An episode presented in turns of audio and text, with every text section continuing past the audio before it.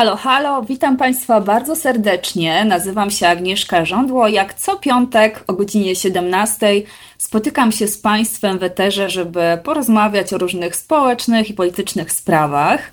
E, dzisiaj audycja wyjątkowo zdalnie, gdyż staramy się jakoś ograniczać e, narażanie naszych gości i i nas samych na epidemię, pandemię koronawirusa. To słowo już po prostu jest mm, do obrzydzenia powtarzane, odmieniane przez e, wszystkie przypadki i sama mam go serdecznie dosyć, no ale niestety jest sytuacja taka jest i musimy przestrzegać zaleceń, które y, Urząd Sanitarny na nas nakłada.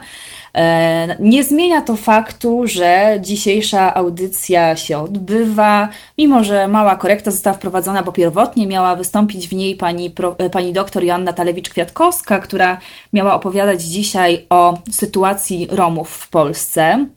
I taka padła zapowiedź z mojej strony kilka dni temu. E, jednak pani doktor Kwiatkowska e, jest narażona szczególnie na, na, ze względu na swoje choroby e, autoimmunologiczne, więc przełożyłyśmy naszą audycję na kiedy indziej. Natomiast dzisiaj wysłuchamy dwóch takich szczególnych, dramatycznych historii. I pierwsza historia to historia pani Anny Polańskiej, która jest ze mną tutaj. E, dzień dobry, witam serdecznie. Witam serdecznie również. E, pani Anna e, przedstawię pokrótce jej historię. W czerwcu 2018 roku złożyła pozew rozwodowy z 2018, tak? We wrześniu.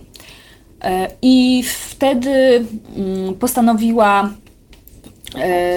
postanowiła, ponieważ ze swoim mężem mają córkę, wtedy siedmioletnią, tak, Nikolę, postanowiła, że złoży taki podział opieki, że przejmie opiekę nad dzieckiem, natomiast mąż będzie opiekował się córką co dwa tygodnie, ale ostatecznie dogadali się, znaczy doszło do pewnego porozumienia, że opieka będzie e, naprzemienna. I takie, taką decyzję podjął sąd.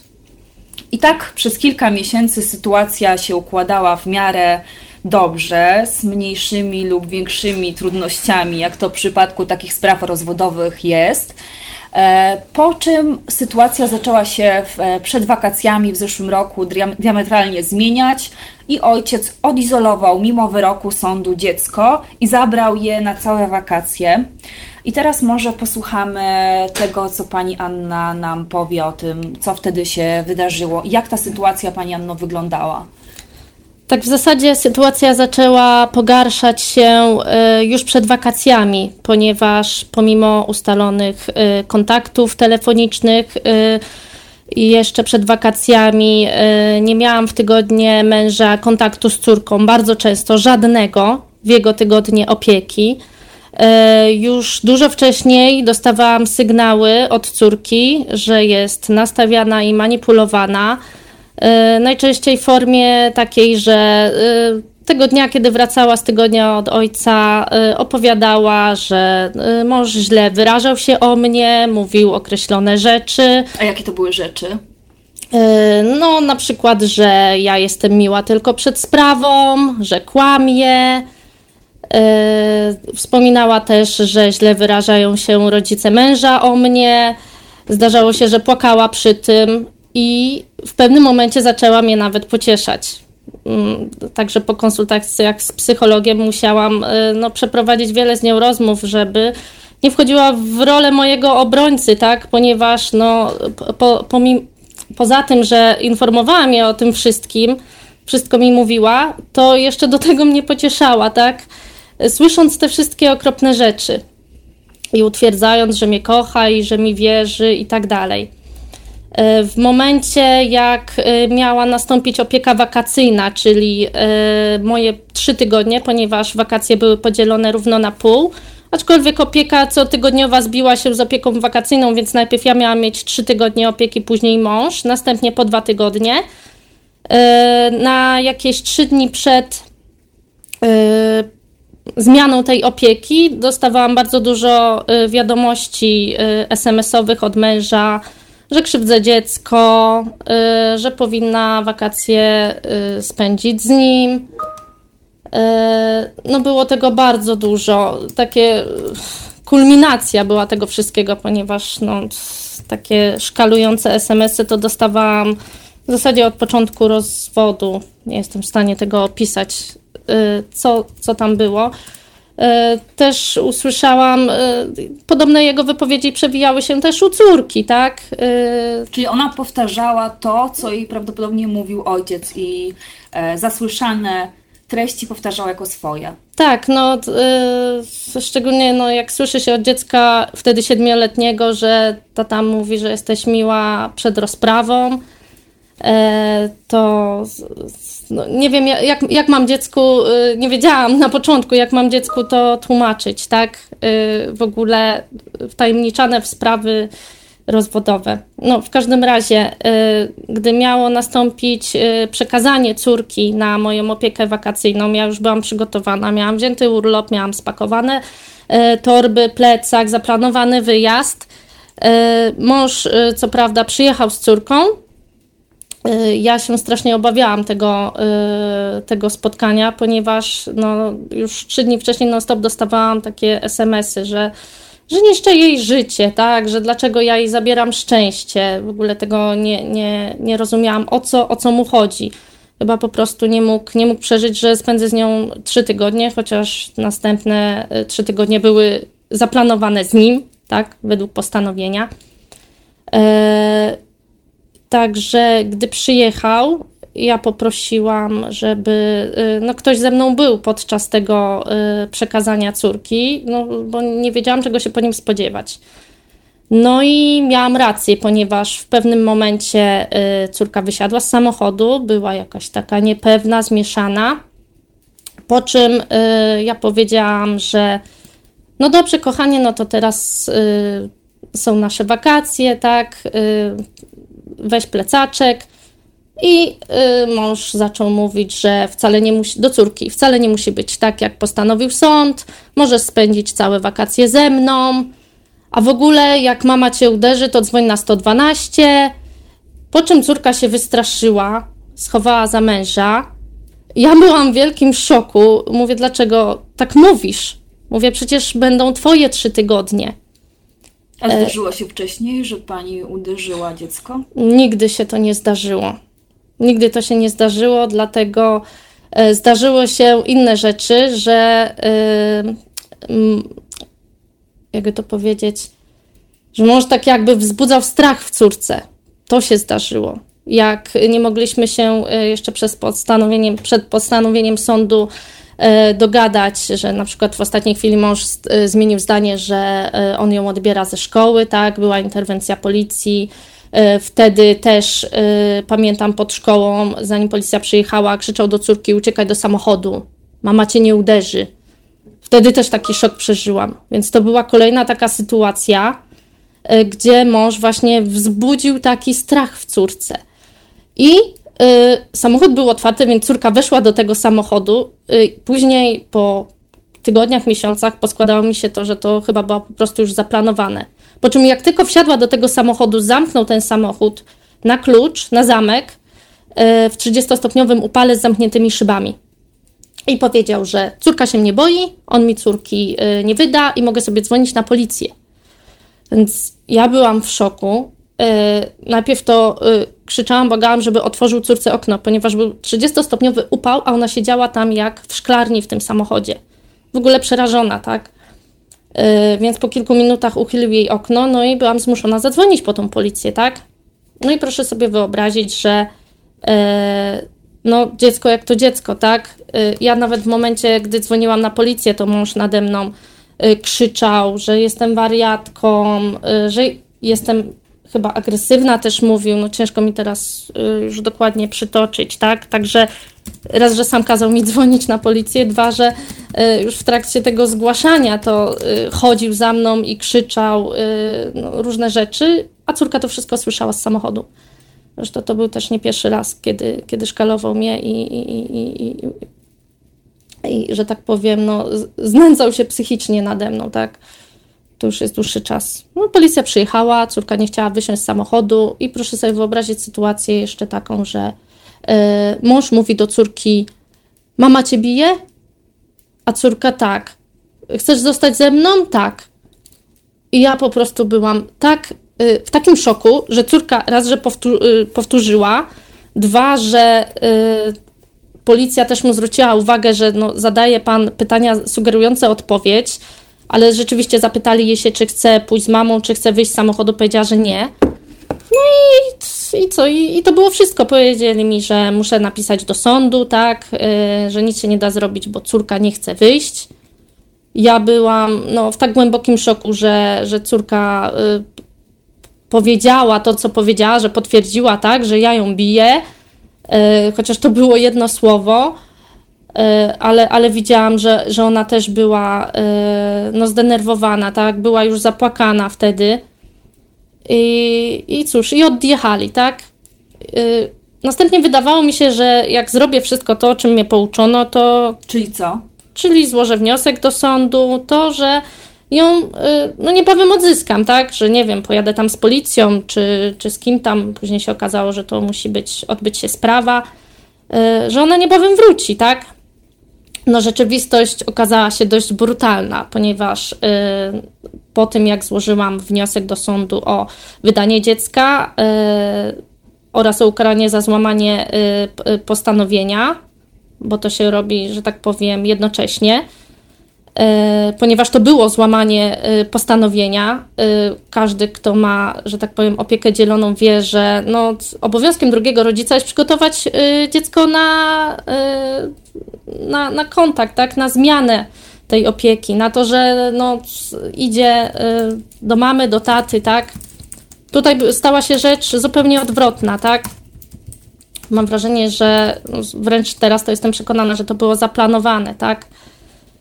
Y, w każdym razie złożyłam te wnioski i to był koniec czerwca. I sprawa się odbyła dopiero na koniec sierpnia. Całe wakacje praktycznie nie miałam z córką kontaktu. Oni po prostu przypadli jak woda w kamień. Yy, że to był koniec roku szkolnego, tak? To yy, nie było ich w mieszkaniu. Ja musiałam w niedługim później czasie wrócić do pracy, ale zanim to się stało, to, to ich szukałam, tak? Jeździłam po mieście, yy, dzwoniłam po wszystkich instytucjach, szukałam pomocy. I, i, i, i skutek był taki, że praktycznie całe wakacje córki nie widziałam, a kontakt telefoniczny był bardzo sporadyczny. To znaczy raz na tydzień, raz na dwa tygodnie. I wtedy jeszcze nie było tak drastycznej sytuacji jak, yy, jak wtedy, bo pomimo, że ona przytaknęła mężowi tak przy policjantach, że yy, na te pytanie, yy, czy mama cię bije, tak, to później, jak rozmawiałam z nią przez telefon, to pytałam, gdzie jesteś, nie mówiła mi gdzie. Zaczęła mówić, że nie tęskni, że mnie nie kocha. Jak pytałam, gdzie jesteś, odpowiadała gdzieś. Nigdy, nigdy tak nie mówiła. Ale jeszcze ten ton głosu to był taki, yy, można, o ile można powiedzieć, że normalny, tak? Ale z każdym tego nie było coraz, coraz ciężej. Yy, raz się zdarzyło, że spotkałam, spotkałam ich w mieszkaniu, tak? I ona po prostu, jak mnie zobaczyła, to yy, schowała się za ojca, zaczęła płakać. Próbowałam z nią porozmawiać, co się stało, dlaczego ty płaczesz, dlaczego się tak zachowujesz. Nie było nigdy wcześniej takich sytuacji. Ale mąż wziął po prostu córkę za rękę i uciekli do mieszkania i się zamknęli, tak? A co pani wtedy pomyślała sobie, że co się z córką dzieje? Yy no, przypuszczałam, że jest manipulowana, bo już to przypuszczałam od y, wielu miesięcy, co zresztą zgłaszałam do sądu, że boję się, że córka będzie wywieziona, ponieważ y, na sam początek procesu rozwodowego usłyszałam od męża, że zniszczę cię, a dziecko ci zabiorę.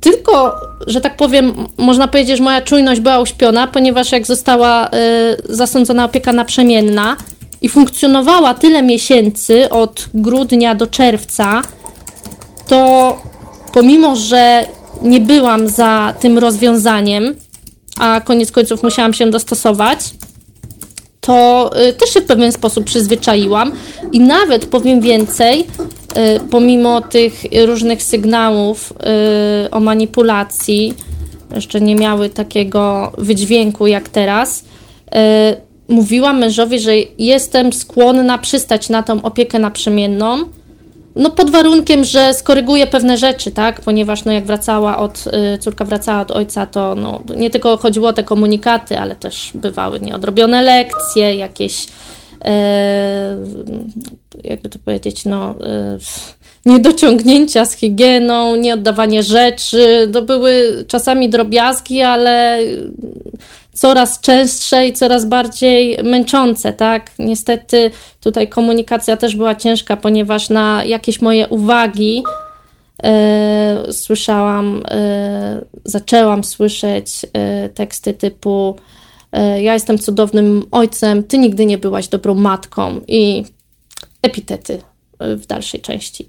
Także no, próbowałam, próbowałam to jakoś załagadzać, w różne sposoby wyciągać ręce, pomimo że no, mąż nie ułatwiał mi tego, wręcz przeciwnie. No, strasznie, strasznie mnie w tym czasie też y, gnoił y, psychicznie. Y, to, co robił, y, jak wysyłał do moich znajomych, do firmy, maile, SMS-y, szkalujące moją osobę, to po prostu przychodzi ludzkie pojęcie. No ale mając córkę przy sobie, miałam też siłę, żeby skupić się na córce, a nie na odpieraniu, yy, może inaczej, nie na walce z nim, bo jednak ataki w jakiś sposób musiałam odpierać. Yy, nie mogłam pozostać bierna na, yy, na, na te wszystkie y, rzeczy, które o mnie mówił.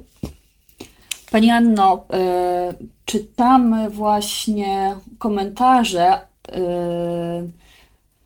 o sądach w Polsce, ale i właśnie chciałabym wrócić po piosence Depeche Mode do tego, jak e, wyglądało to później jeszcze od strony formalnej, jak zareagowały instytucje polskie, sądy, policja, szkoła, co mogły w tej sprawie zrobić. Powiemy po, po piosence.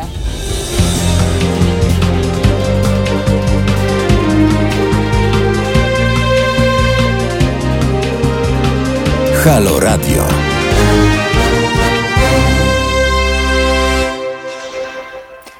Trzynasty marca, 17.27. P- Rozmawiamy z panią Anną Polańską, matką izolowanej Nikoli, która opowiada nam swoją historię, w której mimo wyroku sądu, który em, jakby w wyroku głosił opiekę naprzemienną, e, nie widzi się od kilku miesięcy swoją córką.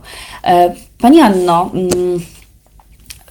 końcu zapadł. W, e, jak, jak wyglądała ta droga sądowa po, tym, po tych wakacjach, w których pani nie widziała, podczas których pani nie widziała swojej córki?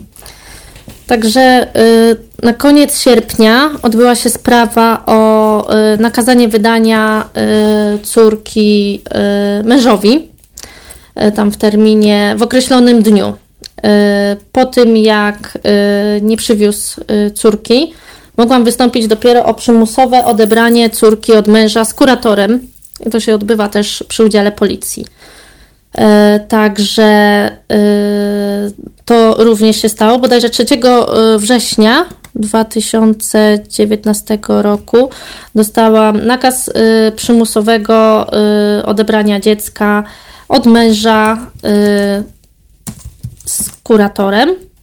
Jednak mogło to nastąpić tylko w mój tydzień opieki, tak? Y, Ponieważ jedno było, to było postanowienie sądu rejonowego, a drugie postanowienie sądu okręgowego o opiece naprzemiennej również było w mocy, więc aby się, że tak powiem, wzajemnie nie wykluczały, odebranie córki mogło nastąpić tylko w moich tygodniach. Y, Więc y, od, z góry było że tak powiem, mm, zastanawiające, co będzie, jak w moim tygodniu córka zostanie odebrana, a tak naprawdę na następny tydzień powinna być u ojca, tak, zgodnie z postanowieniem. E, W każdym razie e, kurator próbował dwa razy e, odebrać córkę, raz od męża od, z mieszkania, raz ze szkoły.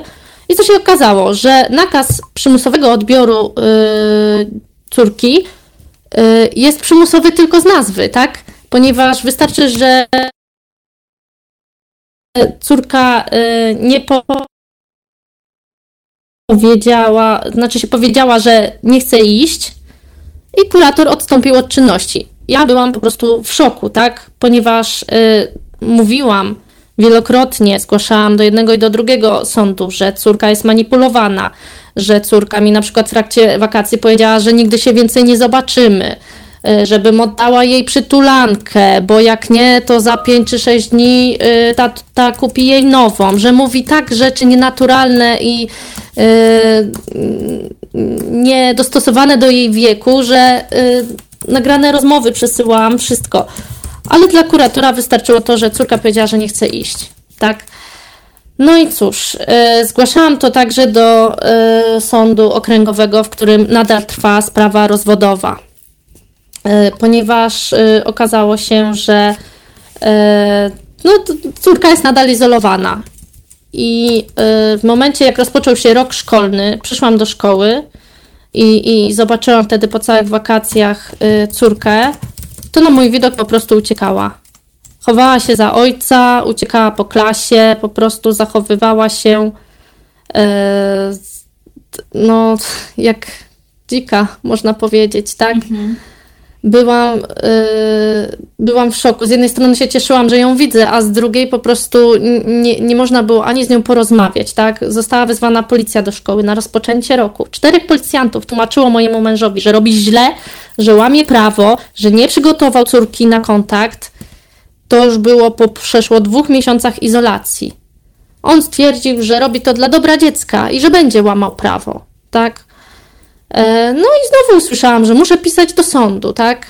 A mijały kolejne miesiące. Tak, mijały kolejne miesiące. I tak, e, cały wrzesień, e, bo jeszcze tutaj może powiem, jak to wyglądało z perspektywy szkoły. Pierwszy tydzień roku szkolnego, oczywiście no, w szkole mi powiedziano, że metodą małych kroczków, żebym odzyskała kontakt z córką, tak? Ponieważ też zaalarmowałam, że córki nie widziałam praktycznie całe wakacje. Wiedziano w szkole, że do czerwca nie było takich sytuacji, że córka normalnie do mnie wracała do czerwca. To było w zasadzie oczywiste, tak? Yy, wiedziała to kadra pedagogiczna, wiedziało to wielu rodziców.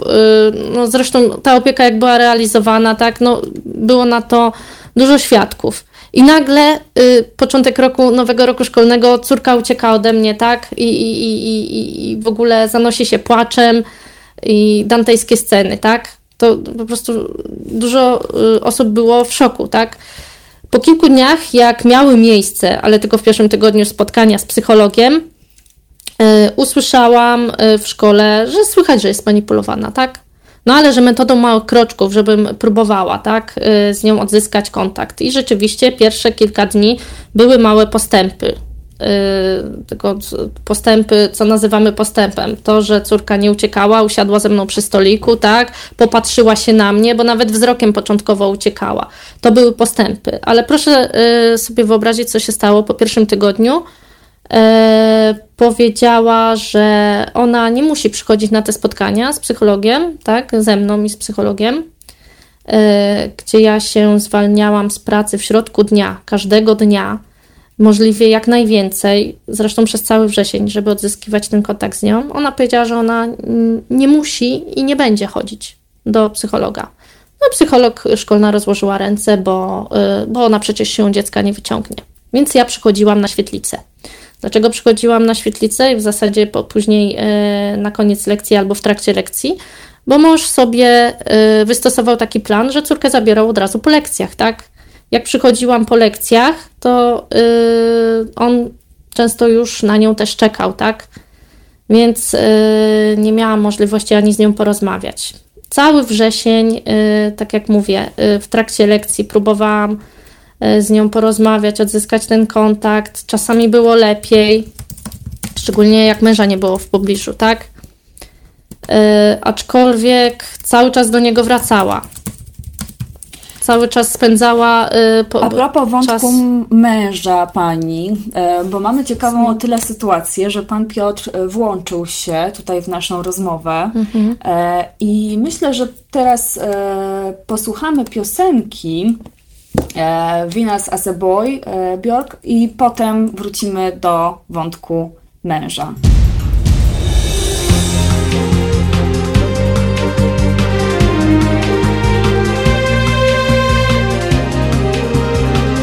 Halo Radio.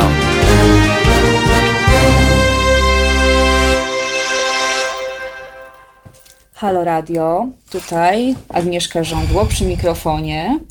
17.40 i chciałybyśmy się odnieść, ponieważ oczywiście, drodzy Państwo, mamy relacje dwóch stron. Na naszym czacie jest pan Piotr Polański, ojciec Nikoli, który z kolei pisze bo ja już wcześniej kontaktowałam się z nim, e, że nie, uwzględniam, nie uwzględniamy tutaj dowodów, które przesłał leczenie psychiatryczne żony, nauk alkoholowy, strach córki od urodzenia, agresja żony, nagrania.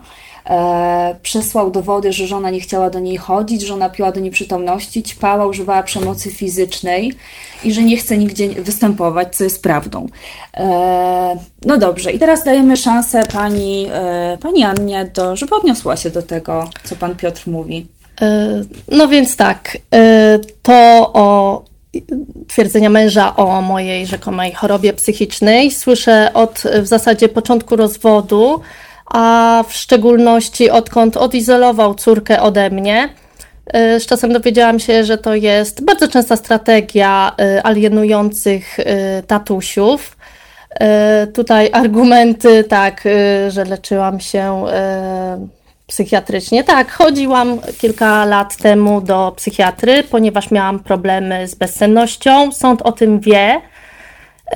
Bo sąd mimo wszystko przyznał Pani opiekę tak, naprzemienną. Tak, przede gdyby wszystkim. Gdyby były jakieś problemy chyba z agresją wcześniej udowodnione, tak. to by chyba sąd tak nie zasądził. E, tak, przede opieki. wszystkim, tak, przede wszystkim e, wszystko, co tutaj e, mój mąż usiłuje e, wmówić, ale przede wszystkim publiczności, to, e, że tak powiem, e, zostało przedstawione wszelkie już dowody i zeznania świadków w sądzie, także E, na tym etapie, jeżeli sąd by e, stwierdził, że rzeczywiście e, miało miejsce to, co tutaj mąż opisuje, to przede wszystkim nie zasądziłby opieki naprzemiennej.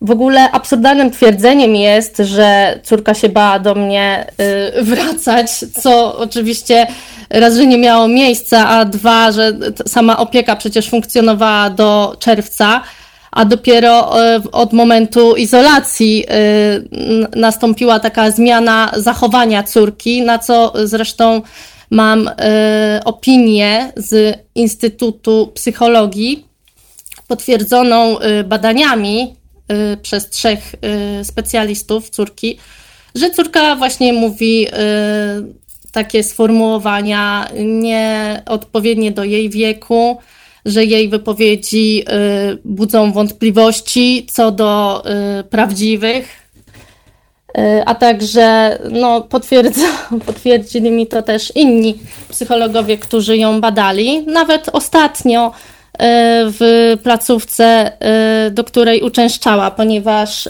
w listopadzie sąd okręgowy zasądził nadzór kuratora oraz terapię psychologiczną dla córki w celu odbudowy więzi e, oraz terapię rodzicielską dla nas obojga, e, to e, pomimo tego postanowienia mąż nie zgadzał się na terapię, chociaż wstępnie w sądzie się zgodził, także później kilka dni zmienił później zdanie. Przez dwa miesiące nie zaprowadzał córki na terapię, nie zaprowadził na terapię, na, którą ja wybrałam. Dopiero po dwóch miesiącach po nacisków kuratorów, wicedyrektora szkoły, psychologa szkolnego, gdzie wszyscy twierdzili, że córka potrzebuje psychologa, yy, dlatego że no, yy, zachowuje się w taki sposób, że mówi to, co ma powiedzieć, tak, yy, aby zadowolić rozmówcę. Także wszystko tutaj świadczy o manipulacji. Tutaj jeszcze są podnoszone jakieś argumenty nagrania. Ja też mam nagrania, tak? I też przedstawiłam do sądu momencie, jak zabrałam córkę we wrześniu y, ze szkoły, aby ją przebadać.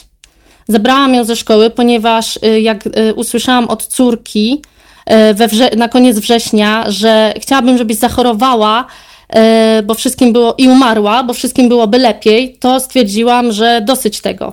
Że dosyć tego, że po prostu moja córka już jest tak zmanipulowana i tak ma wkładaną nienawiść do głowy, że ja to muszę po prostu y, w pewien sposób y, pokazać. I proszę sobie wyobrazić, że tak jak y, w szkole nie chciała ze mną wracać, tak w momencie jak była z dala od ojca, normalnie się ze mną bawiła, normalnie tam spędzałyśmy dzień, tak, odrabiałyśmy lekcje, posiłki, spacery i tak dalej. Wystarczy, że alienatora nie było w pobliżu. I wtedy zaczęły się publikacje męża, że jestem chora psychicznie, że jestem niebezpieczna, że zaatakowałam nauczycielkę, gdzie od razu napisałam do szkoły, bo nikogo, nie to, że nie zaatakowałam, to jeszcze nie dotknęłam. Oczywiście wszyscy to potwierdzili, tak, ale kłamstwa dalej szły, tak, że mogę córce zrobić krzywdę. Chociaż w momencie, kiedy przejęłam opiekę nad córką, Kuratorka wiedziała, że córka jest ze mną, dyrektor szkoły też wiedział, też rozmawiał z córką. Powiedziałam, że córka w tym momencie jest badana przez y, biegłych specjalistów, ponieważ jest manipulowana. I wtedy też mam na to nagrania, jak się zachowywała z dala od ojca, jak udawała płacz i histerię na zawołanie, po czym zapytała, czy dobrze jej poszło. Yy, także yy, podczas tego też była obecna yy, bliska mi osoba, która zeznawała na sprawie i była świadkiem tego wszystkiego, jak córka się zachowywała przed manipulacją, e, jak się zachowywała przy ojcu i jak się zachowywała przy mnie, gdy była z dala od ojca. Więc wszystko po prostu trafiło do sądu, tak? I mimo tego wszystkiego sąd nie zmienił opieki. Mało tego, w uzasadnieniu postanowienia E, jest napisane, że pomimo twierdzeń mojego męża, który robi ze mnie po prostu najgorszą na świecie, pomimo twierdzeń, że dziecku dzieje się krzywda, czy działa się krzywda, oczywiście dopiero od września, jest taka narracja, tak, że biłam dziecko i w ogóle całe życie byłam złą matką pomimo tego wszystkiego, wszystkie dowody temu przecą, że dziecku się kiedykolwiek krzywda działa. Więc y, te śmieszne tutaj oskarżenia niestety nie mają y, żadnego poparcia tak naprawdę w żadnych dowodach, tak? Bo y, tutaj już zeznawało i bardzo dużo świadków, nauczycielka, która widziała, jak córka do mnie normalnie wraca i wielu też innych świadków. E, na narkotyki. Na narkotyki to akurat zeznawali świadkowie, jeśli chodzi o męża, tak? Ale to już pominę może ten e, wątek, e, bo to nie jest, że tak powiem, miejsce odpowiednie, tylko sąd na to. Ale to myślę, że odpowiednie służby tym się zajmą. Także... Pani Anno, jeszcze chciałam zapytać o, taki, o taką sprawę. Co właściwie może matka czy ojciec, bo e, sytuacja alienacji tak naprawdę e, dotyczy bardzo często, e, znaczy częściej to jednak matki izolują od ojców. Pani jest tak, w takiej grupie mniejszej zdecydowanie. Kiedyś pani mi powiedziała, że to 5% kobiet zdarza się tak w sytuacji, taka sytuacja, że znaczy może to dotyczyć zdecydowanej mniejszości matek. Co może taki rodzic, któremu drugi rodzic zabrania mimo wyroku sądu kontaktu z dzieckiem? No to ja przede wszystkim cały czas y, słyszałam, że musi pani y, pisać do sądu, tak? Tylko w momencie, gdy nie są ograniczone prawa rodzicielskie, ten rodzic alienujący jest bezkarny. I często jest bezkarny przez miesiące, niestety przez opieszałość sądów, tak? Ponieważ no tutaj y, pewnie nie odkryję Ameryki, ale y, bardzo wielu przypadkach, nie wszystkich, dla sądu najważniejszą opinią jest y, opiniodawczy zespół sądowych specjalistów, więc pomimo iż y, można przedstawić y, mm, dużo dowodów tak, na manipulację, która jest ciężka do udowodnienia, chociaż w moim przypadku jest ewidentna. Y, I ja przedstawiłam bardzo dużo dowodów, y, nagrania, zeznania, opinie, tak. Y, to jednak sąd czeka do kluczowych postanowień, takich radykalnych, na ten opiniodawczy zespół sądowych specjalistów, tak. I tutaj czas działa na niekorzyść, tak, ponieważ córka jest cały czas alienowana. Do momentu, jak jeszcze uczęszcza do szkoły, to, to jest jedyne miejsce, gdzie mogę ją spotkać, tak? Ale tak, jak są święta, to y, wyjeżdża, nie ma z nią kontaktu. Nie przebywa z ojcem w miejscu y, podanym, który podał jako, y, jako miejsce zamieszkania, tak? Ich tam cały czas nie ma. Nie podaje miejsca pobytu, jak są święta, Także tak naprawdę i policja też rozkłada ręce. nie można ich zlokalizować, tak, nie ma żadnego kontaktu, nie wiem, czy dziecko żyje, yy, nie wiem nic. Nie wiem nic i po prostu wszyscy rozkładają ręce, tak, bo musimy czekać na sąd. No właśnie, teraz Pani przed audycją wspominała mi, że też niestety ta sytuacja epidemiologiczna wpływa na Pani od czas oczekiwania, bo sądy odwołują rozprawy, również rozprawy w sprawie opieki nad dzieckiem i inne sprawy, które są toczone między państwem. No tak, y, w naszej sytuacji już, y, że tak powiem, dowody, zeznania zostały wysłuchane i to, co pozostało, to ta opinia z tego ośrodka, który notabene też ma wstrzymane badania do końca miesiąca, tak? Czyli teraz, no co, tatuś może sobie swobodnie alienować dalej dziecko, tak? Ponieważ dziecko nie musi chodzić do szkoły więc nie wiadomo, gdzie córka się znajduje.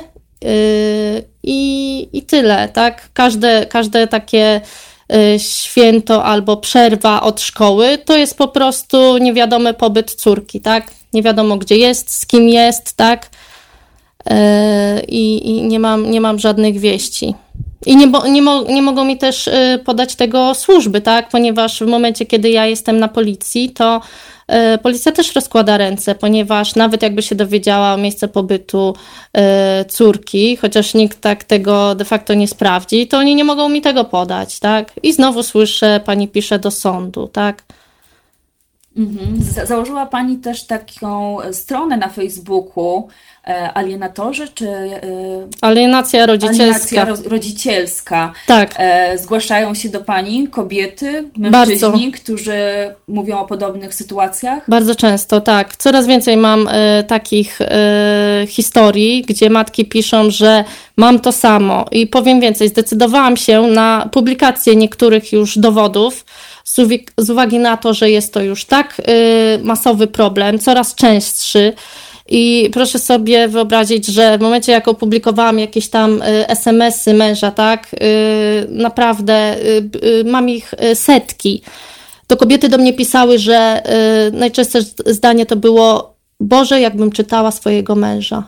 Boże, te same zdania, te same wyrażenia. Moje, albo moje dziecko też się boi, nigdy się nie bało. I no cóż, znalazłam w internecie schemat Y, wiele matek, które mają podobny problem, myślę, że zna ten schemat, y, ale jednatorów ojców, którzy najczęściej czekają właśnie tylko do wakacji, ponieważ jak dziecko jest w wieku szkolnym, no to no, łamanie y, obowiązku szkolnego, no to by było dosyć duże wykroczenie, więc czekają sobie do wakacji, żeby odseparować dziecko od matki y, i y, nastawić, po prostu wyprać mózg, nie będę tutaj owijać y, w delikatne słowa. I takie dziecko już później, y, a bardzo jest dziecko podatne na manipulacje, szczególnie w takim przedziale 7-9 lat, tak? Takie dziecko później na przykład wystarczy, że powie, że nie chce iść do matki i nikt go nie może zabrać. Nikt go nie może zabrać, ponieważ do momentu ograniczenia praw rodzicielskich taki rodzic jest bezkarny. Dopiero w momencie ograniczenia praw rodzicielskich zabranie dziecka Y, od drugiego rodzica wbrew, y, wbrew postanowieniu wyroku sądu, to jest już przestępstwo ścigane z kodeksu karnego. Więc do momentu takich radykalnych postanowień sądu y, mój mąż jest bezkarny i z tego korzysta, tak jak wiele innych osób alienujących, no bo no, zdaję sobie sprawę, że są też matki. Niestety, niestety coraz też częstsze jest to ze strony ojców, i... Najgorsze jest to, że najbardziej oczywiście tracą na tej sytuacji dzieci, które pewnie chciałyby mieć kontakt z obojgiem rodziców. No tak, to jest, y, to jest straszne, ponieważ no, dziecko nie rozumie, co się dzieje. Tak. Y, fakt faktem bardzo mnie y, bolało to, jak córka właśnie mówiła, że nie chce do ciebie iść, tak, gdzie wiem, że do samego czerwca było zupełnie inaczej, tak, i jak dobrze wiem, że do momentu, jak miałam z nią stały kontakt, to jakie były relacje między nami, tak? Nigdy też nie mówiłam źle o mężu, chociaż on oczywiście twierdzi inaczej, ponieważ chciałam, żeby no, dziecko nie było wciągane w ten konflikt. a z drugiej strony ciężko mi było tłumaczyć, dlaczego ojciec tak mówi, tak? I jeszcze y, rodzina. No ale tutaj, tutaj no już praca była z psychologiem, aczkolwiek na ten moment córka nie ma nawet opieki psychologicznej, tak? Terapia przez ojca została przerwana w momencie, kiedy już tam mm, pojawiała się szansa, żebym y, została włączona w terapię, ponieważ ona miała służyć odbudowie mojej więzi. Więc na ten moment nie ma po prostu żadnej siły, tak? Y, ani nie zajmuje się nią psycholog w szkole, bo szkoła rozłożyła ręce, bo nie, nie ma rozwiązania na tę sytuację. Córka nie uczęszcza na terapię, ma dalej prany mózg, tak? I, i co? I, I muszę czekać na, na postanowienia sądu. E, drodzy Państwo, e, Pani Marcelina na naszym czacie napisała, pranie, to, pranie, e, bru, to pranie brudów publiczne jest takie niezręczne. Fakt jest taki, zniszczyliście dziecku psychikę i to będzie się za nią ciągnęło już zawsze. Przepychajcie się dalej, gratulacje. Pani Marcelino, ja mam taki od siebie komentarz. Ja wiem, że to są bardzo prywatne sprawy, tylko że w tych prywatnych sprawach mieści się też pewna niezdolność państwa do y, działania w sytuacji patowej, kiedy jest wyrok sądu nakazowy dotyczący opieki i ten wyrok nie jest realizowany i nie bierze się pod uwagę, y, okej, okay, są takie sytuacje, kiedy rzeczywiście dziecko ma prawo nie iść do rodzica, bo jest. Y, krzywdzone przez tego rodzica. Natomiast tutaj nie ma żadnych dowodów na tę sytuację, a mimo tego instytucje nie są w stanie e, jakby za, e, zabezpieczyć tych kontaktów mimo wyroku sądu. Stąd omawianie tej sytuacji publiczne. Dlatego na przykładzie tej sytuacji chcemy powiedzieć o pewnym problemie, który dotyczy, jak sądzę, wielu rodziców, bo coraz więcej ludzi się rozwodzi. Tak, i jeszcze może tu wejdę, y, przepraszam w słowo, bardzo krzywdzące to dla mnie jest, chociaż y, słyszę to y, też nie raz, że takie sformułowanie zniszczyliście dziecku psychikę. Nie wiem, jak mogłam zniszczyć dziecku psychikę, ponieważ kontakty z ojcem były realizowane, jak była opieka naprzemienna, nie wypowiadałam się źle na temat ojca, tak? A to, że próbuję odzyskać kontakt z córką, to y, ja y, bardzo dla mnie jest to niesprawiedliwe wrzucanie do worka mnie razem z mężem, tylko dlatego, że nie ma dialogu z drugiej strony, że nie ma odpowiedzialności z drugiej strony, y, ponieważ no, ja jestem bez rana, nie mogę swojemu dziecku nawet teraz pomóc wytłumaczyć, a skutki, jakie płyną teraz z izolacji, to jest na przykład to, iż córka ma coraz gorsze zachowanie w szkole. Nigdy tego wcześniej nie było. Ja nie mogę w tym momencie swojemu dziecku pomóc, nie mogę yy, tu w żaden sposób dotrzeć do męża, nikt do niego nie może, ponieważ jest tak yy, w tym swoim poglądu i no, z mojego punktu widzenia zemście yy, dzieckiem na mnie, że nie mam nawet pola manewru, tak? Pani Anno, bardzo dziękuję, że Pani odwiedziła tutaj mnie i, i podzieliła się swoją historią, e, która myślę, że będzie pouczająca dla, dla wszystkich rodziców. E, mam nadzieję, że jednak uda się odbudować relacje z córką, odzyskać tę więź. Dziękuję Państwu za pierwszą godzinę naszej audycji i za chwilę będziemy rozmawiać z Małgorzatą Smolak, e, a tymczasem piosenka. Za chwilę się słyszymy ponownie.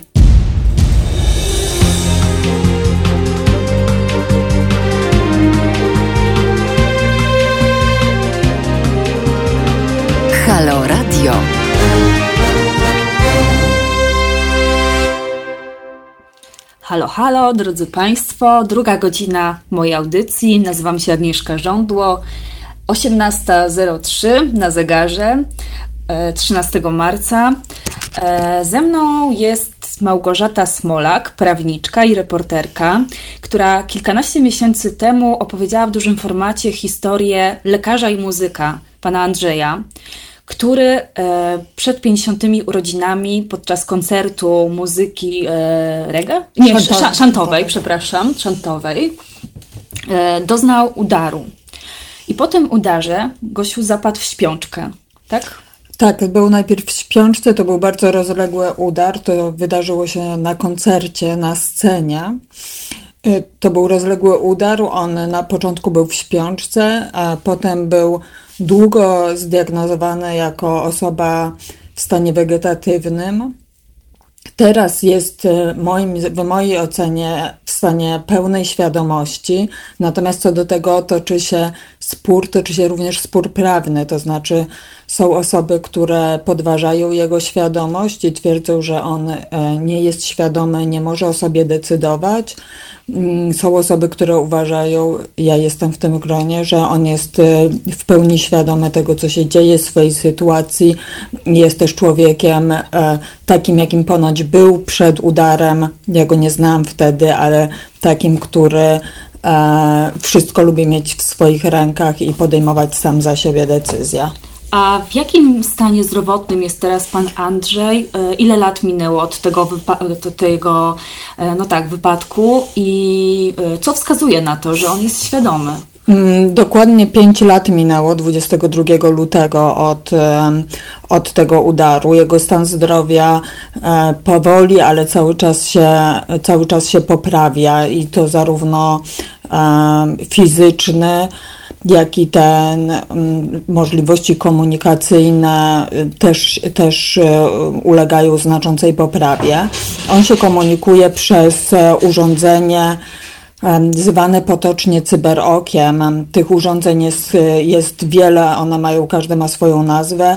Polegają na tym, że mm, specjalny taki panel na podczerwień, który jest montowany przy monitorze, jest w stanie wychwytywać ruchy gałek ocznych i komputer wie, gdzie dana osoba patrzy, i w ten sposób można zaznaczać na komputerze, e, tak jak zaznacza się myszką. On bardzo dobrze komunikuje się e, w ten sposób. Co prawda, ma swoje lepsze i gorsze dni, jak podejrzewam też każdy z nas. Ma też, jak wiele osób, które są po e, uszkodzeniach mózgu, udarach czy, czy, czy wypadkach, ma trochę inny cykl e, czuwania i snu, bierze też leki na różne te inne schorzenia, które też powodują, że ma tam przed południem niższe ciśnienie i z tego też wynika ta konfuzja dotycząca jego stanu świadomości, bo on rzeczywiście e, do godzin takich wczesno-popołudniowych mm, po prostu śpi, jest w takim stanie, że nawet trudno go dobudzić. Mm, natomiast e, po południu staje się bardzo aktywny i wtedy e, można z nim na każdy temat porozmawiać. Mhm. E, a jakie były, czy były jakieś badania robione przez biegłych sądowych? Bo rozumiem, że postępowanie sądowe cały czas trwa e, dotyczące jego świadomości. Postępowanie postępowań sądowych jest kilka. To główne dotyczy jego ubezwłasnowolnienia. Żona złożyła wniosek o całkowite ubezwłasnowolnienie, podnosząc właśnie, że on nie jest świadomy, nie jest w stanie E, podejmować za, za siebie żadnych, w swoim imieniu żadnych decyzji, nie jest w stanie też ich komunikować. Więc clue tego postępowania dotyczy po pierwsze tego, czy on jest świadomy, po drugie, jeżeli jest świadomy, to na tyle, że jest e, zdolny rozpoznać swoją sytuację i podejmo- przepraszam, podejmować decyzje dotyczące swojego życia, jeżeli tak, to czy jest w stanie je mm, zakomunikować otoczeniu? Te trzy rzeczy muszą być spełnione, żeby on, jak większość z nas, mógł prowadzić w tych warunkach, jakich jest normalne życie. E, I tak, tych badań i różnych procedur było już kilka dotyczących tego, czy on jest świadomy, czy nie. Jeszcze kilka lat temu w ośrodku poprzednim, w którym przebywał, był mm, zaproszony psychiatra, który stwierdzał, że stwierdził, że on jest świadomy, nie ma żadnych wątpliwości co do tego, że wie, gdzie jest, gdzie się znajduje, jaka jest sytuacja i że może podejmować decyzje. Natomiast to nie było w ramach, on nie był biegłym sądowym, to nie było w ramach postępowania. Biegli dwa razy próbowali podejmowali taką próbę skomunikowania się z Andrzejem mm, przez ten sprzęt, przez to cyberoko. Obydwie te próby się nie udały, co być może wynika z tego, że obydwie próby były przed południem. więc on nie był zdolny rzeczywiście do podjęcia tej aktywności. Więc jaki będzie wynik tego postępowania jest cały czas to jest sprawa otwarta. Ma być badanie jeszcze przeprowadzone funkcjonalnym rezonansem magnetycznym. To jest kolejne badanie świadomości. Mhm. A sk- dlaczego taka decyzja żony o ubezwłasnowolnieniu swojego męża, który i tak pewnie nie podejmuje żadnych decyzji w tym stanie, w którym się znajduje? E, oczywiście no, to najlepiej by było, najlepiej by było e, zapytać żonę. We wniosku o ubezwłasnowolnienie ona wskazuje, że mąż podjął decyzje, które są inne niż ona by podjęła. E, tam oczywiście w tle jest konflikt, e, konflikt małżeństwki. Są też przyjaciele, którzy cały czas zbierają pieniądze na leczenie Andrzeja. I Andrzej udzielił pełnomocnictw notarialnie, właśnie przez to urządzenie, przez Cyberoko, udzielił pewnych pełnomocnictw tym przyjaciołom, głównie do po prostu takich załatwiania e, spraw, e, spraw medycznych, a żonie pewnie to się nie podoba z pewnych względów. Sama wolałaby podejmować te decyzje i stąd, e, stąd prawdopodobnie ta jej decyzja o tym, ale tak jak mówię, to, mm, to pewnie bardziej pytanie by było do niej. To jest bardzo w ogóle ciekawy przypadek, też taki e, bioetyczny, prawda? Bo tutaj wyłania nam się kwestia e, właśnie może, u, e, kogo można ubezwłasnowolnić i na jakich zasadach. Ty jesteś prawniczką, jak ty na to patrzysz? Ja jestem e, w ogóle dużą przeciwniczką instytucji ubezwłasnowolnienia. Polska ratyfikowała konwencję e, na rzecz osób z niepełnosprawnościami mm, w 2012 roku. Ta konwencja mówi, że nie można pozbawić nikogo jego praw. Ubezwłasnowolnienie to jest pozbawienie praw cywilnych, to jest, e, to jest stwierdzenie, że ta osoba nie może robić zakupów, że ta osoba nie może napisać testamentu, nie może się rozwieść, nie może podejmować żadnych czynności prawnych, nie może głosować w wyborach. Konwencja mówi, że osoby, które tego potrzebują, osoby z niepełnosprawnością intelektualną czy z, z, z jakimiś istotnymi na przykład zaburzeniami psychicznymi, powinny mieć system wspomaganego podejmowania decyzji. I w zależności od tego, jak głęboka jest to niepełnosprawność, to ten system jest, e, jakby to, to wspomaganie jest większe lub mniejsze. E, natomiast nie, konwencja nie dopuszcza e, takiej sytuacji, gdzie człowiek jest po prostu pozbawiony swoich, swoich praw. Tak to wygląda z punktu widzenia prawnego. Oczywiście jest to pytanie też etyczne, bo każdy powinien mieć to prawo i pozbawienie, pytanie jest w ogóle o, o etyczność pozbawienia człowieka podejmowania swojej decyzji. Przepisy polskie dotyczące ubezwłasnowolnienia są bardzo stare. Nas jeszcze na studiach uczyli, że ubezwłasnowolnienie to jest dla dobra tego człowieka. Moje pytanie jest, jak może być, jak odebranie komuś praw może, go, może komuś służyć. Oczywiście to zawsze było tłumaczone tym, że y, człowiek, y, który jest uzależniony od hazardu, może przepi, prze, przehulać wszystkie swoje pieniądze. Szczególnie bo... kiedy jest wspólność majątkowa. Tak, ale na to są narzędzia. Można, y, druga osoba może, może zażądać rozdzielności majątkowej. To nie jest tak, że tą osobę trzeba chronić e, przed sobą. I tutaj w przypadku Andrzeja ta sytuacja jest dosyć ewidentna, ponieważ on do tej pory, w ciągu tych pięciu lat, nie wykazał żadnej inicjatywy, która by wskazywała, że jest dla niego niekorzystna. To, że udzielił mm, pełnomocnictwa przyjacielowi, to może być niekorzystne z punktu widzenia żony, natomiast z punktu widzenia jego po prostu udzielił osobie, której ufa, z którą się przyjaźnił kilkanaście czy nawet kilkadziesiąt lat przed wypadkiem, poprosił go o pomoc.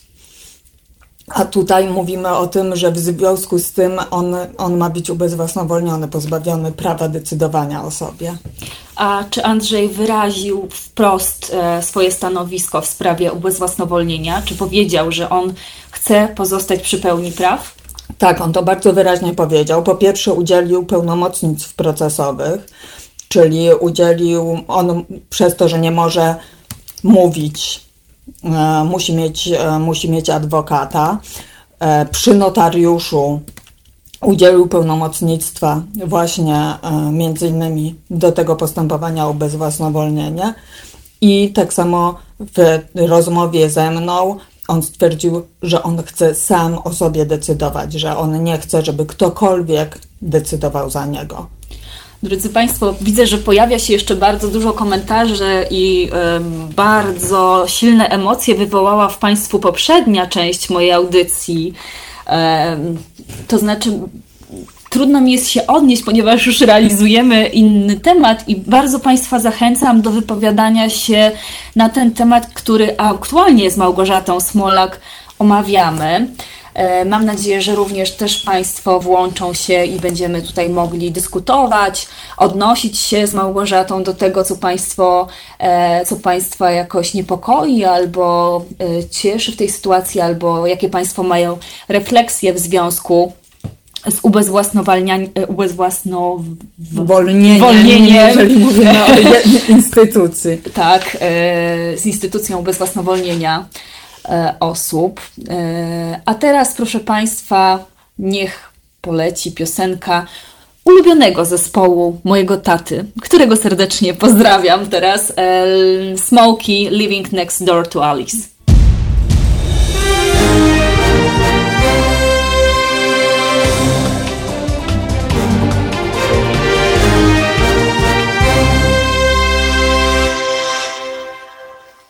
Osiemnasta dziewiętnaście. Agnieszka Żądło i Małgorzata Smolak. Rozmawiamy o przypadku Andrzeja, e, pacjenta tak zwanego śpiączkowego, tak? Czy możemy go zakwalifikować do tej grupy? Tak, potocznie mówi się, że to są pacjenci śpiączkowi, natomiast e, faktycznie śpiączka to jest dosyć krótki czas. On trwa zwykle 2 do 3 tygodni po tak zwanym zdarzeniu, czy to jest udar, a, czy to jest jakiś e, wypadek, i później ci pacjenci przechodzą najczęściej w stan wegetatywny, czyli stan, w którym są przytomni, czyli zaczynają otwierać oczy, są jakieś ruchy mimowolne, ale nie ma świadomości. Potem e, mogą przejść do stanu minimalnej świadomości, czyli takiego, w kiedy ta świadomość się pojawia, ale ona nie jest jeszcze utrwalona, czyli czasem są w stanie wykonać polecenia, czyli jeżeli poprosimy takiego pacjenta, żeby popatrzył, e, wodził za palcem, to czasem będzie wodzić, czasem nie będzie wodzić.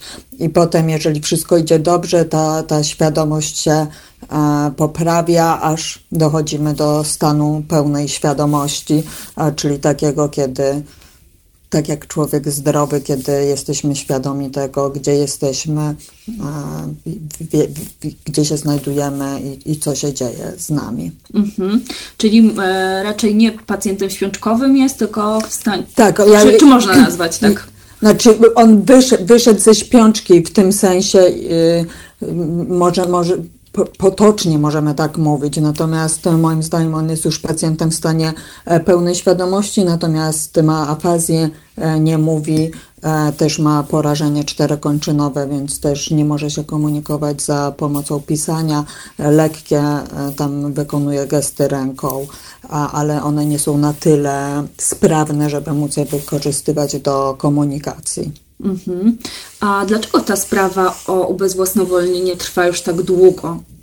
To z mojej wiedzy to jest w ogóle sprawa precedensowa, dlatego że ja nie spotkałam się dotychczas e, ze sprawą, e, gdzie e, kwestią by było właśnie stwierdzanie tego, na ile pacjent jest świadomy, na ile może podejmować swoje decyzje właśnie w wyniku e, takiego zdarzenia. Oczywiście ci pacjenci są e, tak, tak zwani właśnie śpiączkowi czy około śpiączkowi, są bardzo często ubezwłasnowolniani e, przez rodziny, którym jest wygodniej załatwiać sprawy, ale nie ma takiej sprawy, gdzie ta osoba by zaprotestowała bo zwykle to są osoby, które rzeczywiście są w stanach wegetatywnych, więc nie mają świadomości tego, co się, co się dzieje. Rodziny chcą załatwiać wszystkie sprawy w urzędach za nie, więc to jest dla nich z reguły um, najwygodniejsza e, ścieżka. Tutaj znowu wracamy do pytania, dla kogo jest ubezwłasnowolnienie? Czy jest dla otoczenia, dla rodziny, żeby im było wygodniej? Tak w mojej ocenie najczęściej się dzieje, czy ma służyć pacjentowi? A, I tutaj takiej sprawy, gdzie pacjent udowadnia, że jest świadomy, w mojej ocenie jeszcze do tej pory w sądzie nie było i prawdopodobnie sąd tak jest powołanych kilku biegłych, toczą się kolejne badania, kolejne e, różnego rodzaju medyczne eksperymenty i prawdopodobnie dlatego ta sprawa trwa tak długo. Oczywiście ona też z punktu widzenia praw człowieka nie powinna trwać tak długo, dlatego że sytuacja, każdy z nas może sobie wyobrazić sytuację, kiedy żyje trochę w zawieszeniu. W tej chwili ma wszystkie prawa, ale czeka jak na wyrok, na, na, na, na kolejną rozprawę, żeby wiedzieć, że być może będzie tych praw pozbawiony. Mhm. A w tle, e, czy w tle toczy się jeszcze jakiś konflikt e, finansowy, obyczajowy, jakieś. E, Nie, na szczęście, na szczęście pieniądze. Bo Andrzej jest, był dość majętną osobą, właścicielem kliniki, tak? Współwłaścicielem. Tak, tak. Andrzej, Andrzej e, był praktykującym lekarzem, był współwłaścicielem e, kliniki na Śląsku, natomiast teraz wszystkie pieniądze na jego leczenie, na jego rehabilitację, pobyt w ośrodku, to są, e, to są pieniądze rzędu kilku tysięcy złotych miesięcznie. To jest od tych pięciu lat pokrywane ze zbiórek organizowanych przez taki komitet zawiązany przez jego przyjaciół e, muzyków. I oni są bardzo aktywni w tym, i to, to jest też, wydaje mi się, ewenement, bo e, zwykle rodziny mówią, że zbiórki się kończą e, około roku, około roku po zdarzeniu, to znaczy zawsze przez pierwszy rok jest takie pospolite ruszenie, jest, wszyscy się organizują, dają pieniądze, a potem ta fala entuzjazmu spada, szczególnie jeżeli to dotyczy dorosłych osób na dzieci jest zdecydowanie łatwiej zbierać pieniądze, natomiast tutaj ci muzycy są naprawdę w tym fenomenalni są w stanie e, cały czas te pieniądze zbierać. Oni na koncertach organizują różnego rodzaju aukcje, pieniądze do puszek, także, e, także tutaj na szczęście przynajmniej ten, ten problem finansowy do tej pory odpada. Mhm. A kto jeszcze wspiera? Przyjaciele? E, z tego co wiem ze Twojego reportażu jest jeszcze ta y, logopedka. A. E, tak, dobrze. O, specjalistka od CyberOka, która właściwie Andrzeja y, obsługiwała y, z tym urządzeniem. Tak, ona, ona kiedy on Został e, przeniesiony ze Śląska, gdzie mieszkał do Bydgoszczy, właśnie po to do ośrodka, w którym e, było to cyberoko i w którym Agnieszka pracowała. E, tam ona została jego terapeutką, logopedką i też tą terapeutką od cyberoka. Potem on, ona odeszła z tamtego ośrodka, on został przeniesiony do innego ośrodka. Teraz formalnie on nie jest jej, jej pacjentem, ale ona cały czas e, bardzo go wspiera i zapewnia mu też, ona jest na miejscu, przyjaciele wiadomo są daleko, więc ona mu taką bieżącą pomoc e, zapewnia. Mhm. A samo cyberoko e, jest stosowane wśród polskich pacjentów.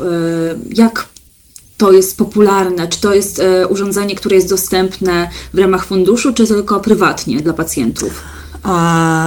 I tak, i tak. To znaczy, używa, ja przynajmniej używam tego pojęcia cyberoko do na wszystkie urządzenia, które wykorzystają wykorzystują fiksację wzroku. To jest, to jest trudna nazwa, ale Właśnie polega to na tym, że urządzenie śledzi ruch gałek e, ocznych.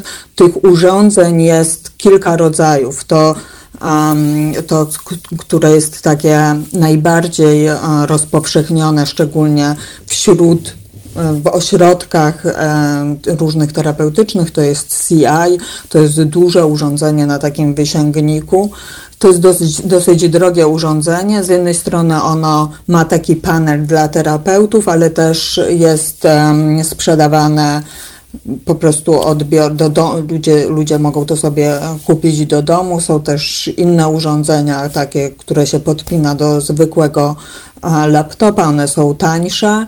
Można na te urządzenia mm, dostać dofinansowania, bodajże z Pefronu, bo to może, można wystąpić o to jako o protezę mowy, bo to, to te urządzenia zastępują mowę. Drogie jest? Tak, to jest od kilku do dwudziestu paru tysięcy, w zależności od tego, jakiej, jakiej firmy to jest urządzenie, jakie to jest urządzenie. Także to, to na pewno nie jest, nie jest bardzo tanie, ale tak jak mówię, można uzyskać, jeżeli osoba tego potrzebuje, to może uzyskać e, dofinansowanie i to tam nawet prawie całkowite. A na jakiej zasadzie to urządzenie działa? Bo trudno mi sobie. Jest tak, jest e, jakieś urządzenie, monitor i jest wzrok. E, no a jak to się działa, jak to się dzieje, że z tego wzroku e, przekładają się komunikaty na urządzenie? Tak, to, to polega na tym, że przy monitorze, e, najczęściej na dole monitora jest albo to jest osobna taka listewka z kamerkami na podczerwień, chyba typowo to jest pięć takich punktów, albo to jest już tak jak w przypadku CI na stałe wmontowane w ten monitor i te, te, te, te punkty na podczerwień, one mm, po prostu detektują ruch gałki ocznej. I w ten sposób komputer przelicza sobie, gdzie oczywiście musi dla każdej osoby, która siada przed takim urządzeniem, trzeba skalibrować, bo każdy ma inny rozstaw gałek ocznych, inaczej tymi oczami róża, więc najpierw jest proces kalibracji, czyli komputer musi zrozumieć, gdzie są czyje oczy, gdzie patrzą, czyli najpierw trzeba popatrzeć w konkretny punkt e, na monitorze, żeby mm, komputer mógł to sobie skalibrować i potem już komputer rozpoznaje, e, w które miejsce na monitorze patrzymy. Dla osoby z zewnątrz to jest z reguły widoczne w postaci takiej czerwonej kropki. Oczywiście ona może tam być zastąpiona tak jak kursor zwykle jest strzałką, ale możemy sobie mm, też ustawić inny, inny znaczek. Też dzięki temu ta, ta, ta osoba ma pewność, że, mm, że komputer rozpoznaje e, miejsce, w które ona patrzy. I to, co widzimy na monitorze, jest e, oczywiście to powinno być bardzo spersonalizowane, dostosowane do konkretnego pacjenta i w zależności od tego, w jakim stanie świadomości jest pacjent, ale też w jakim stanie są jego oczy, bo po urazach mózgu też mogą być osłabione mięśnie gałek ocznych. Czasami um, pacjent widzi tylko na, jego, na jedno oczko też w wyniku przykurczów, spastyki. Często są, pacjent ma tak przykurczoną szyję, przykurczone tutaj mięśnie, że niekoniecznie jest w stanie swobodnie patrzeć. Więc e, w zależności od, od, tego, jaki jest jego stan, mm, różne, różny jest ten e, interfejs. I to mogą być bardzo proste, bardzo duże rysunki typu kciuk w górę, kciuk w dół i to jest odpowiedź tak, nie i w ten sposób możemy bardzo proste, proste pytania zadawać zamknięte, ale mogą być też tablice rysunkowe czy z napisami w zależności też od tego, czy pacjent czyta, czy nie czyta. E, jestem głodny, jest mi zimno, chce mi się pić. I dalej te tablice możemy robić dużo bardziej zaawansowane, i najbardziej, najwyższym stopień, stopniem zaawansowania jest e, klawiatura wirtualna, czyli jest tablica z literkami, tak jak na normalnej klawiaturze i literka po literce można zaznaczać to, co się chce napisać. To jest jakiś niesamowity wynalazek medycyny e, inteligentnej. E, nie mieści mi się to w głowie, tak, że mogło coś tak, e, tak niezwykłego powstać, ale powstało, drodzy Państwo.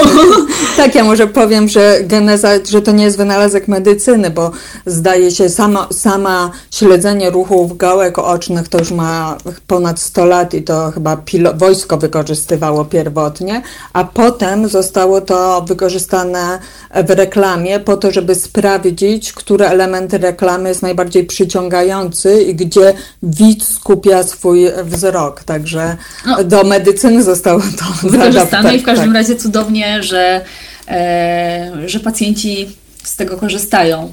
E, drodzy Państwo, to teraz posłuchajmy sobie BKO Taxi e, Counting Crows.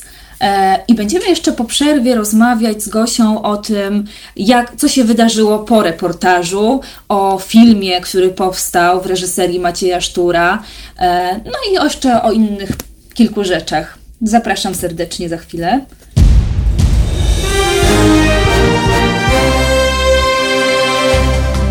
Halo Radio. Pierwsze medium obywatelskie.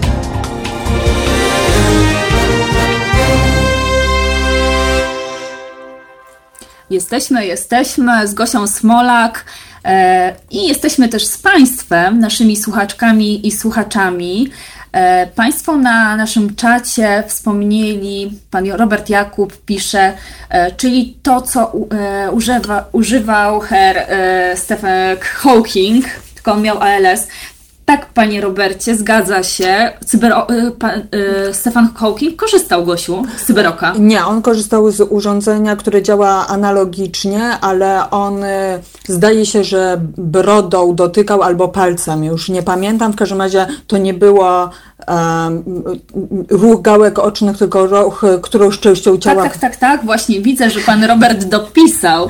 E, on nie gałką oka, tylko jedynym pozostałym mu mięśniem policzka. O, właśnie. Ale whatever, ta sama zasada. Tak, Dokładnie, dok- panie Robercie. Dokładnie ta sama zasada i to e, pokazuje, jak te, jak te urządzenia mogą pomóc e, nie tylko nam, ale pomóc światu, powiem tak górnolotnie. Mhm. Twoja opisana przez ciebie historia w dużym formacie e, zainspirowała znanego aktora i reżysera Maćka Sztura. E, Tak, do nakręcenia filmu krótkometrażowego na ze studentami Akademii Teatralnej.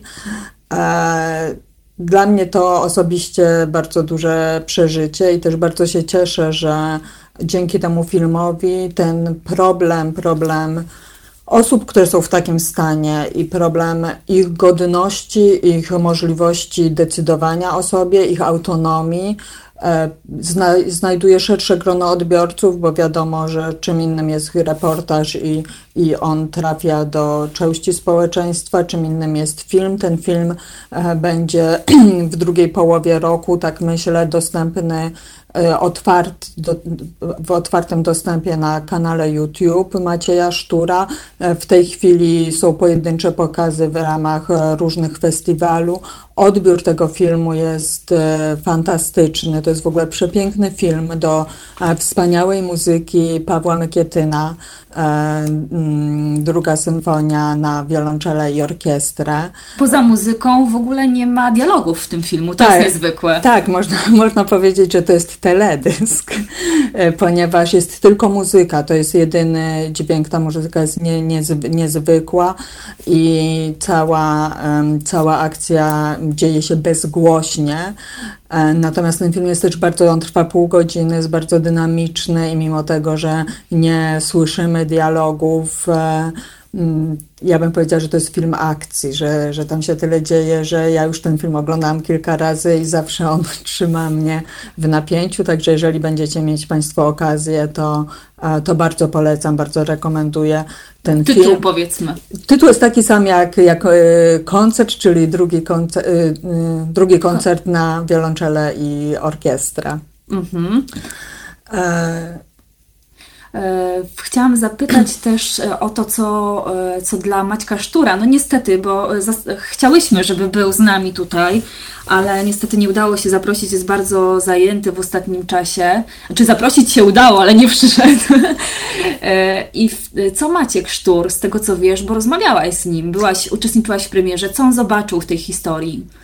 E, tak, znaczy też bardzo nie, nie, nie, chciałabym się wypowiadać e, za niego. On przeczytał ten reportaż i stwierdził, że, że to jest e, materiał na film i myślę, że obydwoje widzimy w tym to samo, czyli właśnie walkę o człowieczeństwo, o to, żeby żeby zobaczyć w tym drugim człowieku, który często się nie rusza i o którym czasem bardzo nieładnie mówimy warzywo albo beton, bo takie określenia też spotykam, że to jest człowiek, który ma wszystkie takie same prawa, radości, problemy, jak my ludzie zdrowi. I i myślę, że e, Maciejowi Szturowi to się w sposób fantastyczny udało oddać w tym filmie i wydaje mi się, że wszyscy bardzo kibicujemy w tym filmie głównemu bohaterowi. Główny bohater pojawił się, co w ogóle niesamowite, na premierze filmu w Toruniu. Tak, udało się, ponieważ Andrzej w tej chwili przebywa w ośrodku w Bydgoszczy, Toruń 50 kilometrów dalej, więc udało się że mógł przyjechać na premierę tego filmu. Dla niego to było bardzo duże wydarzenie i też nagrał, zrobił to wcześniej, ponieważ podejrzewał, że emocje związane z premierą będą tak duże, że nie będzie w stanie na bieżąco rozmawiać z publicznością, ale jeszcze przed przezem na premierę nagrał bardzo poruszające przesłanie do publiczności festiwalu w Toruniu, ale też do nas wszystkich z prośbą taką mówcie o nas, mówcie do nas, walczcie o nas. I ja też o to apeluję, bo ci ludzie są wśród nas i to może spotkać każdego z nas. Andrzej był e, człowiekiem korzystającym z życia, wyszedł na scenę, dostał udaru. Takie wypadki się zdarzają i, i pamiętajmy, pamiętajmy o tych ludziach i pamiętajmy też o sobie to, że był w stanie taką, takie przesłanie stworzyć, chyba jest najlepszym dowodem na to, że, y, że jest osobą świadomą. Tak, ja co prawda bardzo w ogóle nie lubię tego używania tego słowa dowód, bo dlaczego to on ma udowadniać, że on jest świadomy? To jeżeli ktoś chce udowodnić, że on nie jest świadomy, to, to ten ktoś powinien e, tutaj coś dowodzić. I myślę, że nikt z nas nie chciałby się znaleźć w sytuacji, kiedy musi dowodzić, że jest świadomy, że sprawnie myśli, że umie podejmować decyzje. To jest e, w ogóle ciekawy aspekt. Ja rozmawiałam z osobami, które są zajmują się osobami z niepełnosprawnościami, że my, osoby zdrowe, częściej wyżej stawiamy poprzeczkę tym ludziom z niepełnosprawnościami. Czyli jeżeli mamy osobę z niepełnosprawnością intelektualną, to jeżeli się pomyli w liczeniu, to mówimy nie, nie jest zdolna do podejmowania decyzji, a przecież nam wielokrotnie zdarza się czy pomylić, czy zgubić pieniądze i mimo tego nikt, nikt nie chce nas pozbawiać swoich praw. Mhm. Ty rozmawiałaś z Andrzejem podczas realizacji reportażu? Tak, oczywiście. Ja rozmawiałam z nim, już znam go dwa lata i rozmawiałam z nim wielokrotnie.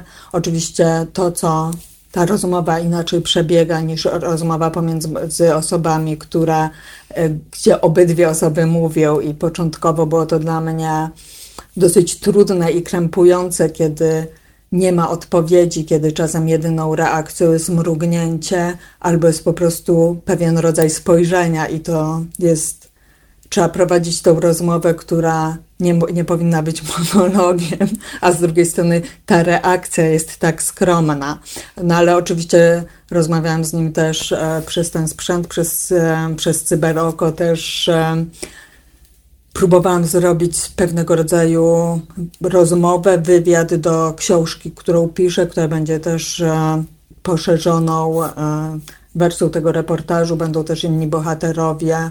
Zastanawiałam się właśnie, czy mogę poruszyć ten temat, na ile to jest oficjalna informacja, ale cieszę się, że sama e, uprzedziłaś i, po, e, i podajesz tutaj takiego, taką ważną informację, że możemy o tym spokojnie rozmawiać. Właśnie, to opowiedz w takim razie o tej swojej książce.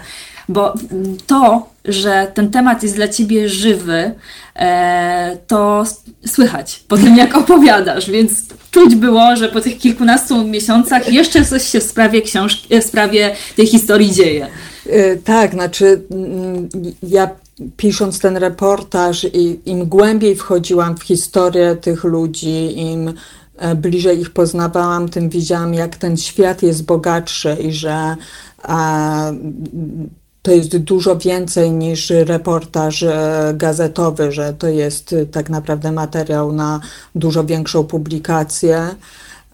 I stąd też, e, stąd też ten, ten projekt książka. Mam nadzieję, że, mm, że ukaże się niebawem, aczkolwiek nie chcę tu się zobowiązywać do, do podawania żadnych mm, terminów. Natomiast mam taką nadzieję, że, że ta książka przybliży trochę tych ludzi nam, społeczeństwu, ale też e, przybliży społeczeństwo e, tym ludziom, że po prostu trochę zmniejszy się ta odległość, która, która nas dzieli od tych osób, które bardzo często też przez to, że, mm, że my ich nie widzimy, to one, one też nie wychodzą z domu i te rodziny często też boją się, chociaż mam taką przepiękną historię, która będzie w książce, gdzie państwo, małżeństwo żyje normalnie, jeżeli możemy użyć, użyć tego słowa, ale i tak pewnie bym sobie wyobrażała, że,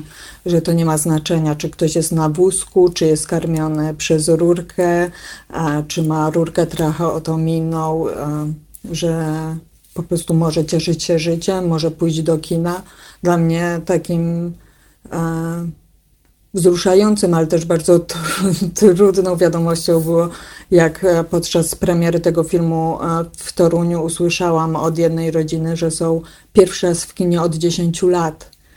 E, więc jeżeli przez to, że ktoś jest w takim stanie zdrowotnym, nie może pójść do kina, to też o czymś świadczy. W Toruniu się okazało, że ten pokaz był w innym kinie niż wszystkie inne pokazy, bo bo kina nie spełniają warunków dla osób e, na wózkach. Także cały czas te przysłowiowe trzy schodki są problemem, nie mówiąc już o tym problemie takim psychologicznym, mentalnym, jaki mamy, żeby się skomunikować z osobami z niepełnosprawnościami, a w szczególności z osobami z niepełnosprawnościami neurologicznymi, gdzie często mylimy tą niepełnosprawność neurologiczną z niepełnosprawnością intelektualną i zaczynamy nie mówić do takich osób jak do dziecka, jakby nie rozumiały, tylko mhm. dlatego, że na przykład bełkoczą, bo, bo mają porażony tutaj aparat mowy. A jaka jest różnica w takim razie? I dla, mm, no bo nam, te, znaczy laikom, nie lekarzom, trudno jest y, zrozumieć te różnice.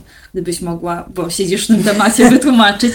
tak, ja nie jestem specjalistką, ale tak, jeżeli mogę przybliżyć tak laicko właśnie, to niepełność e, intelektualna e, sprowadza się najczęściej po prostu do obniżonego ilorazu inteligencji, do trudności w zrozumieniu, w zrozumieniu e, bardziej skomplikowanych, skomplikowanych zdań, bardziej skomplikowanych problemów.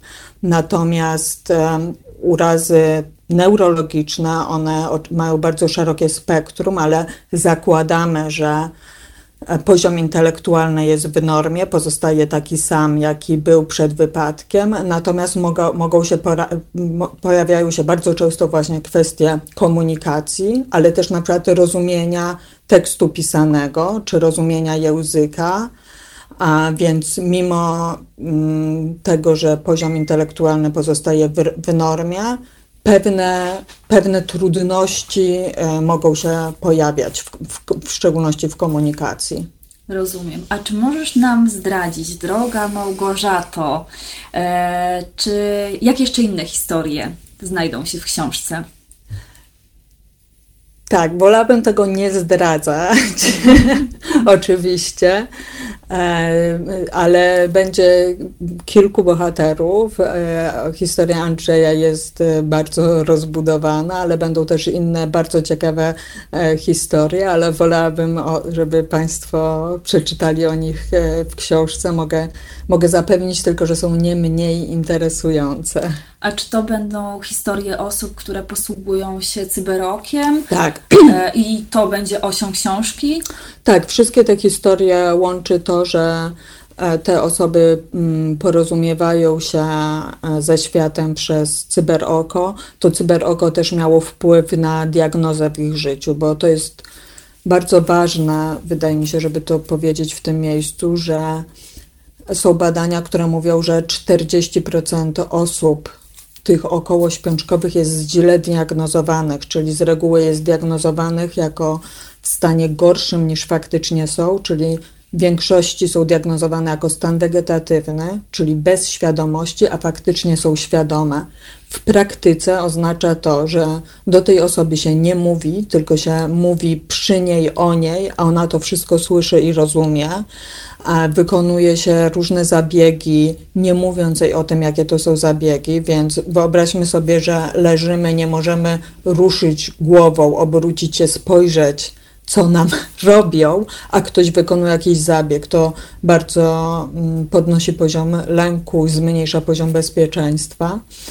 I to cyberoko też służy temu, żeby mm, pomóc rediagnozować te osoby i stwierdzić, czy rzeczywiście ta osoba jest bez świadomości, czy jest w kontakcie. Oczywiście to nie daje też pełnej gwarancji, są do badania świadomości odpowiednie skale, ale te trzy przypadki, które opisuję e, w książce, mm, one właśnie mm, pokazują, że te osoby zostały po dzięki cyberoku e, lepiej zdiagnozowane. Gosia, wielkie dzięki, że byłaś dzisiaj naszym takim okiem na pacjentów z cyberokiem i mogliśmy przyjrzeć się trochę i myślę, że spojrzeć na, na takie osoby, które korzystają z tego urządzenia z innej perspektywy, takiej bardziej ludzkiej, a nie przedmiotowej, tak mi się wydaje bo z tego, co mówisz, czasem tak się traktuje te, oso te osoby, tak przedmiotowo albo przynajmniej bezosobowo.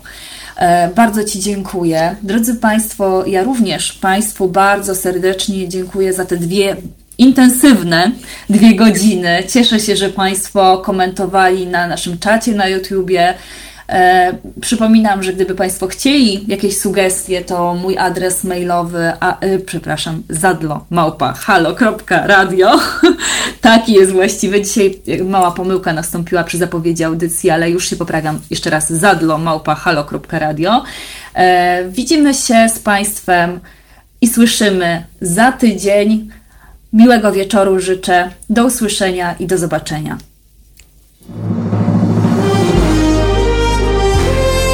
Halo Radio. No proszę Państwa, bardzo namawiam do słuchania Halo Radia. To jest pierwsze radio obywatelskie i już bardzo ważne i bardzo istotne i tu się głównie gada, yy, ale gada się no takie mądre rzeczy, a w każdym razie prawdziwe. Agnieszka Holland. Tomasz Piątek. A ja zachęcam bardzo do wspierania Halo Radio, bo jeżeli nie będziecie go wspierać, to zniknie. www.halo.radio ukośnik SOS.